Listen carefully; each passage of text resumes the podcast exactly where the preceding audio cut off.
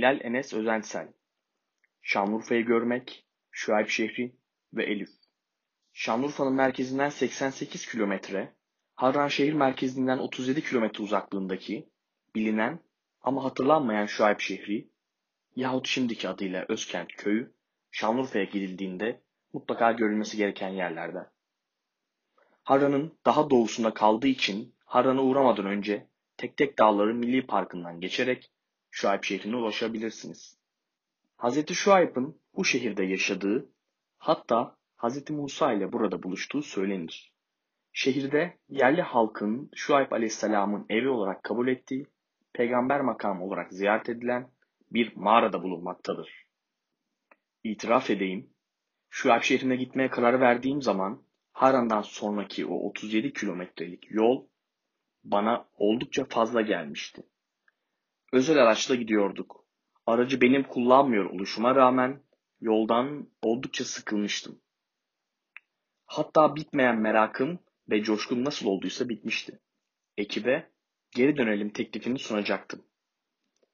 Ben bu teklifi nasıl sunacağımı düşünürken köyü gördük. Neyse ki teklifi sunmama fırsat olmadan köye gelmiş olduk.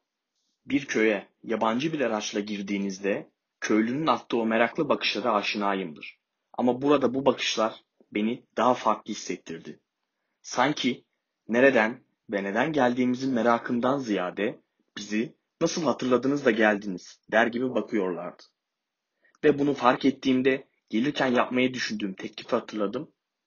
Kendime kızdım.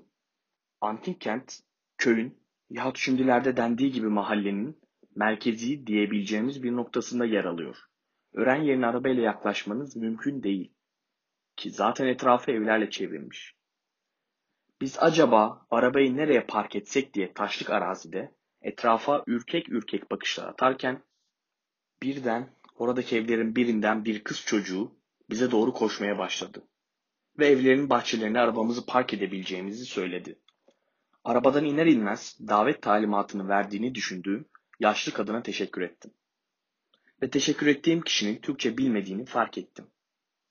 Zaten bizim gittiğimiz zaman o evde bulunan iki yetişkin ve üç çocuktan yalnızca bizi davet eden kız çocuğu Türkçe konuşmayı biliyormuş.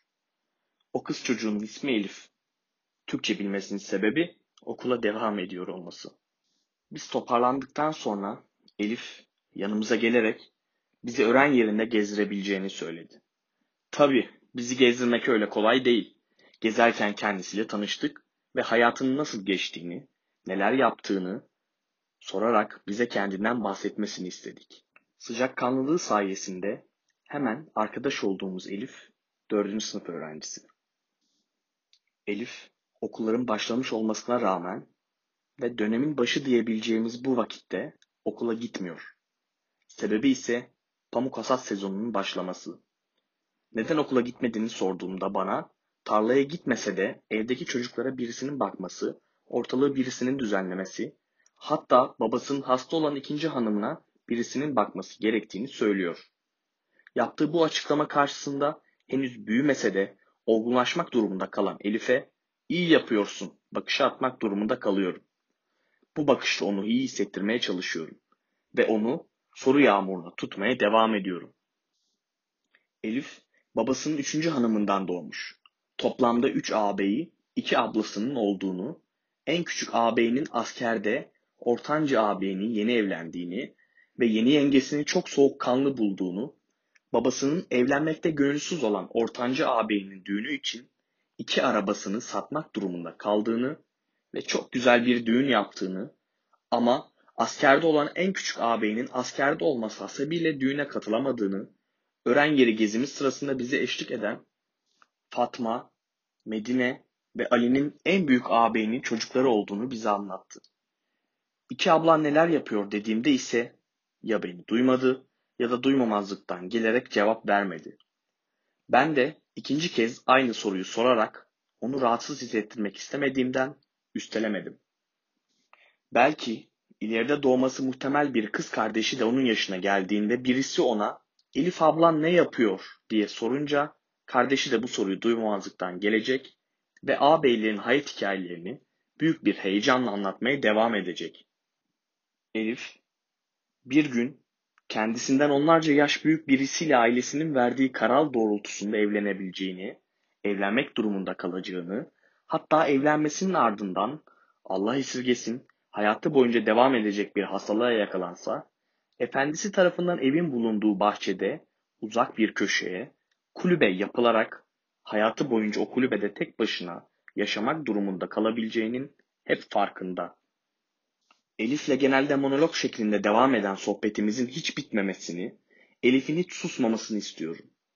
Çünkü sevilme yaşının geçtiğini büyüklerinden duyan bu 11 yaşındaki Elif'i bir daha ne zaman, nerede bu kadar cana yakın bulacağım. Belki hasbel kader birkaç sene içerisinde yine Şanlıurfa'nın bir köşesindeki bu şehre, şu Alp şehrine gelsem, Elif ile bu kadar rahat sohbet edebilir miyim? Sanmam.